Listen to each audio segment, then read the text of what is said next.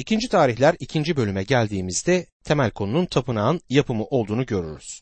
Süleyman babası Davut'un kendisine vermiş olduğu talimatlara göre hareket eder.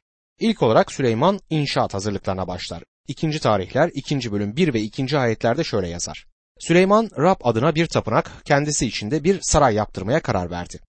Yük taşımak için 70 bin, dağlarda taş kesmek için 80 bin, bunlara gözcülük etmek için de 3600 kişi görevlendirdi. Proje hayata geçer ve Süleyman tapınağın yapımı için gerekli organizasyona başlar. Tanrı'nın tapınağın yapımını Süleyman'ın krallığının bir parçası olarak nasıl vurguladığına dikkat edin. İkinci tarihler 2. bölüm 3. ayette Sur kralı Hiram'a da şu haberi gönderdi. Babam Davut'un oturması için saray yapılırken kendisine gönderdiğin sedir tomruklarından bana da gönder. Hiram Davut'u sevdi ve Davut da Hiram'ı sevdi. Bu sevgiden dolayı Süleyman ona ricada bulunur. Daha sonra göreceğimiz gibi Hiram'ın Süleyman'la bazı sorunları olacaktır. Davut'a karşı son derece cömertti ama Süleyman'la çalışmakta biraz zorlanır. İkinci tarihler 2. bölüm 4. ayette Tanrım Rabbe adamak üzere onun adına bir tapınak yapıyorum. Bu tapınakta hoş kokulu buhur yakıp adak ekmeklerini sürekli olarak masaya dizeceğiz. Sabah akşam her şabat günü, her yeni ay ve Tanrımız Rabbin belirlediği bayramlarda orada yakmalık sunular sunacağız. İsrail'e bunları sürekli yapması buyuruldu diyor. Kanunun sürekli olacağına dikkat edin. Bin yıl süresince tapınak sunularının restore edilmesine dair eleştiriler olmuştur. Hayvan sunuları Mesih'in çarmıhta kurban edilmesine işaret ettiğine göre bin yıl süresince hayvan sunularının yeniden başlamasının nedeni nedir? Çünkü bunu Tanrı istedi. Bu da yeterli bir yanıttır. Elbette ki anlamlı olacaklar ve Rab İsa Mesih'in kurban oluşunun hatırlatıcısı olacaklardır. İkinci tarihler 2. bölüm 5. ayette yapacağım tapınak büyük olacak. Çünkü Tanrımız bütün tanrılardan büyüktür diye yazar.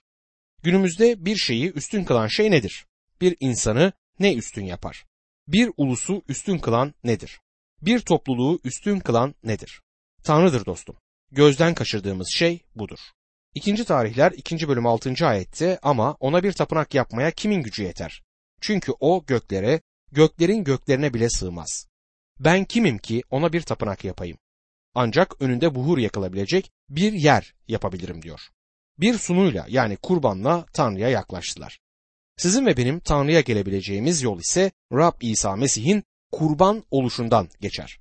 Süleyman'ın Tanrı'nın kim oluşuna ve Tanrı'nın o evde olup olmayacağına dair hiçbir kuşkusunun olmamasına dikkat etmek önemli bir noktadır. Geçenlerde bir ilahiyatçının yazısını okudum. Makalesinde Süleyman'ın Tanrı'yı bir kutuya yerleştireceği küçük bir ev yapmaya çalıştığını ve halkında Tanrı'nın bir kutuya konması gerektiği kanısında olduğunu ve onun orada tutulabileceğini yazıyordu. Burada Süleyman'ın ve halkın hiç böyle bir düşüncesi olmadığını hemen söyleyeyim. Bugün pek çok kişiden daha da ilerideydiler. Pek çok kişi kiliseye Tanrı'nın evi der. Tanrı bir evde oturmaz. Daha önce de oturmadı. Tapınak sunularının takdim edildiği yerdir. Tanrı'ya yaklaşma yeriydi ve ona layık bir yer olmalıydı. Oldukça süslü ve güzeldi. O günün diğer binalarıyla kıyaslandığında pek büyük sayılmazdı. Örneğin Efes'teki Diana tapınağı ya da piramitlerin yanında Süleyman'ın yaptığı tapınak cüce hatta bodur kalırdı. Ama küçüklüğü zenginliğiyle garanti altına alındı. Yapımında çok büyük miktarda altın ve gümüş kullanıldı. İkinci tarihler 2. bölüm 7. ayette bana bir adam gönder. Yahuda ve Yaruşilim'de babam Davut'un yetiştirdiği ustalarımla çalışsın. Altın, gümüş, tunç ve demiri işlemede, mor, kırmızı, lacivert kumaş dokumada, oymacılıkta usta olsun der. Gördüğünüz gibi dışarıdan mesleğinin erbabı olan kişileri getirmeleri gerekmekteydi. Çünkü İsrailliler Tanrı'nın isteği doğrultusunda tarımla uğraşan kişilerdi. Günümüzde İsrail'e dönen Yahudi halkının toprağa döndüğünü görmek oldukça ilginçtir. Megiddo'nun olduğu Estrelen Vadisi kadar verimli başka bir toprağın olmadığı söylenir. Gerçekten zengin ve verimli bir ülkedir. Süleyman'ın zamanında İsrail ulusunda sanatkar ve usta insan yoktu ve bu kişiler için Hiram'a başvurmaları gerekiyordu.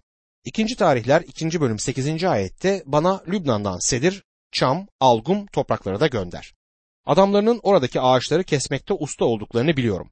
Benim adamlarım da seninkilerle birlikte çalışsın diyor. Başka bir deyişle Süleyman'ın adamları onlardan öğrenecekti. Bu algum ağaçları Lübnan'ın meşhur ağaçlarıdır. İkinci tarihler 2. bölüm 9. ayette öyle ki bana çok sayıda tomruk sağlayabilsinler. Çünkü yapacağım tapınak büyük ve görkemli olacak diyor. Ev geniş olmayacak ama büyük ve şaşılası bir yer olacaktır. İkinci tarihler 2. bölüm 10. ayette ağaç kesen adamlarına 20 bin kor bulgur, 20 bin kor arpa, 20 bin bat şarap, 20 bin bat zeytinyağı vereceğim diyor. Daha sonra bu ödemeye ilişkin yanlış bir anlamanın olduğunu göreceğiz. İkinci tarihler 2. bölüm 11 ila 13. ayetler arasında Sur kralı Hiram Süleyman'a mektupla şu yanıtı gönderdi. Rab halkını sevdiği için seni onların kralı yaptı. Hiram mektubunu şöyle sürdürdü. Yeri göğü yaratan İsrail'in tanrısı Rab'be övgüler olsun. Kral Davut'a bilge bir oğul verdi. Rab için bir tapınak, kendisi için de bir saray yapacak. Akıllı ve anlayışlı bir oğul. Sana Huram Avi adında usta ve akıllı birini gönderiyorum. Şimdi ikinci tarihler 2. bölüm 17 ve 18. ayetlerde gönderdiği kişiyi betimlemeye devam eder. Babası Davut'un yaptığı sayımdan sonra Süleyman da İsrail'de yaşayan bütün yabancılar arasında bir sayım yaptı. Yabancıların sayısı 153.600 kişi olarak belirlendi. Bunlardan 70 bine yük taşıma, 80 bine dağlarda taş kesme, 3600'üne de işçileri çalıştırma görevi verildi diyor. Gördüğünüz gibi bunlar kaba işleri yapacak olan yardımcılardır. Ve Süleyman tapınağı yapmaya başlar. İkinci tarihler 3. bölüm 1. ayette Süleyman bundan sonra Rabbin Yaruşilim'de babası Davut'a göründüğü Moria dağında Rabbin tapınağını yaptırmaya başladı. Yevuslu Orna'nın olan bu harman yerini Davut sağlamıştı diyor. Daha önce gördüğümüz gibi Orna'nın harman yeri yüzyıllar önce İbrahim'e İshak'ı kurban etmesinin söylendiği yerdir. Aynı yerde Yarışilim kentinin hemen dışında İsa Mesih'in çarmıha gerildiği kafatası denilen Golgota tepesi vardır. Davut bu yeri Ornan'dan almıştı. Orası bugün hala tapınak alanıdır. İnşaat işiyle uğraşmayanlarımız için inşaat projesi ve malzemeleri pek de ilginç olmayabilir. Bu nedenle başka bir yerde söz edilmeyen belirli gerçekleri seçeceğiz. İkinci tarihler 3. bölüm 3. ayette Tanrı'nın tapınağı için attığı temel eski ölçülere göre 60 arşın uzunluğunda 20 arşın genişliğindeydi diyor. Toplanma çadırından iki kat daha büyüktü. 60'a 20 arşındı yani 30 metreye 10 metre ve 90 adıma 30 adımdı. Bu da 30 çarpı 10 metre eder. Bu boyutlar tapınak içindir. Etrafında diğer binalar olacaktı. Diğer binalar yerli yerine oturduğunda çok heybetli bir görünüm oluştu ama tapınağın kendisi sadece toplanma çadırının iki katı büyüklüğündeydi. Şimdi dikkatinizi görmüş olduğumuz ve daha görmediğimiz belirli şeylere çekmek isterim. İkinci tarihler 3. bölüm 13. ayette ayakta duran ve açılmış kanatlarının uzunluğu 20 arşın olan keruvların yüzü ana bölüme bakıyordu diyor. Bunlar yargı kürsüsünden aşağıya bakan keruvlardır. Tanrı'nın Musa'ya toplanma çadırını yapması için verdiği talimatlarda onun keruvlarla ilgili bir ölçü vermediğini anımsayacaksınız. Tanrısallıktan bahsederler ve tanrısallık ölçülemez. Ama buradaki tapınakta ölçü verilir ve bu da şüphesiz toplanma çadırınınkinden çok daha büyüktür. Tapınağı Tanrı'nın bakışından gördüğümüzü size bir kez daha anımsatmak isterim. İnsanın görüş açısından yazılan krallar kitabında olmayan ve burada Tanrı'nın dikkatimizi çekmek istediği şey nedir? Bu perdenin güzelliğidir. İkinci tarihler 3. bölüm 14. ayette en kutsal yerin perdesi lacivert, mor, kırmızı kumaştan ve ince ketenden yapılmıştı. Üzerinde keru işlemeleri vardı. Perde Mesih'in insan oluşunu belirtmektedir. İşte Tanrı'nın dikkatimizi çekmek istediği nokta budur. Mesih çarmıha gerildiği zaman tapınağın perdesi ikiye ayrıldı. Çünkü perde Mesih'in insan oluşunu temsil ediyordu. O perdenin yırtılması bütün imanların Mesih'in kurban oluşu sayesinde Tanrı'nın huzuruna çıkmaları için açılan yeni ve diri yolu simgeler. İşte burada ikinci tarihlerde Tanrı perdenin güzelliğine dikkatimizi çeker. Şöyle der gibidir. Bu benim sevgili oğlum ondan hoşnutum. Direklerde dikkat etmemiz gereken başka bir nokta daha vardır. İkinci tarihler 3. bölüm 15. ayette Süleyman 35'er arşın yüksekliğinde iki sütun yaptırıp tapınağın önüne diktirdi. Sütun başlıkları beşer arşın yüksekliğindeydi. Bu nokta bu direklerin çok yüksek olduğu anlamına gelir. Binanın büyüklüğüyle kıyaslandığında orantısız derecede büyük gibi görünmektedir. Bu direkler gücü ve güzelliği belirtir. Güç ve güzellik modern insanın ulaştığını sandığı iki şeydir. Gücümüzle övünürüz ama yine de düzeni sağlamada, barışı getirmede yetersiz olduğumuzu görüyoruz. Güzelliğe gelince modern sanata baktınız mı? Bazı kentlere sözüm ona sanat dedikleri bazı heykeller, abideler dikerler. Bunları gördüğümde gerçekten de sanattan başka her şeye benzediğini düşünüyorum. Kaldığım kentin büyük bir parkında birkaç bu türden eser dikilmiştir. Halen neye benzediklerini çözemedim. Güya bir sanat abidesiymiş. Bu kadar berbat bir şey görmedim. Tanrı güç ve güzellikle ilgileniyor. Tapınağın bu direkleri çok etkileyiciydi. Bir sonraki bölümde güç ve güzellik konusuna yine değinir. İkinci tarihler 4. bölüm 12. ayette iki sütun ve iki yuvarlak sütun başlığı bu başlıkları süsleyen iki örgülü ağ diyor. Tanrı buna özellikle dikkat çekmektedir. İkinci tarihler 3. bölüm 16. ayette gerdanlığa benzer zincirler yaptırarak sütunların üzerine koydurdu. Yüz nar motifi yaptırıp zincirlere taktırdı diyor. Bu zincirlerden bahseder. Onlar neyi temsil ediyor? Ulusun birliğini belirtmektedirler. Zincirler oymakları oluşturan bireylerin ve ulusu oluşturan oymakların birliğini resmeder. Tanrı birliğe, bir topluluğun, bir ulusun birliğine çok önem verir. Birlik olmayan yerde dirlik de olmaz dostum. Bu nedenle her zaman birlik ve beraberliğe önem vermek, bunu durum ne olursa olsun korumak gerekir. Çünkü birlikten güç ve refah çıkar. Bu nedenle de Tanrı mutlak birlikle ilgilenir. Bugünümüzde insanların Tanrı halkının gözden kaçırdığı bir şeydir. Bugün binbir çeşit gruplara ayrılmış bulunuyoruz. Yeni ortaya çıkan birçok organizasyon var. Bunun Rabbi onurlandırdığından emin değilim. Bildiğiniz gibi Tanrı yeni antlaşmada zincirden daha iyi olan bir birlik resmi vermiştir. Bu da bedendir. İnanlılar topluluğunun bir beden olduğunu kutsal kitap bize söyler. Bir bedende birçok üye vardır. Üyelerden bazıları daha fazla onurlu, bazıları ise daha az onurludur ama hepsi bir bedendir. İnanlılar topluluğunun yani kilisenin resmi kutsal kitapta yeni antlaşmada budur. Narın kullanımına da dikkat edin. 100 tane nar. Şu sözleri de okuyoruz devamında. İkinci tarihler 4. bölüm 12 ve 13. ayetlerdi. İki sütun ve iki yuvarlak sütun başlığı bu başlıkları süsleyen iki örgülü ağ, sütunların yuvarlak başlıklarını süsleyen iki örgülü ağın üzerini ikişer sıra halinde süsleyen 400 nar motifi. Nar verimliliği, üretkenliği belirtir ve burada vurgulanan da budur. Burada kullanılan renklerden özellikle söz etmedim. Perdenin ergüvani, lacivert, kırmızı ve ince ketenden yapılmış olduğuna dikkat ediniz.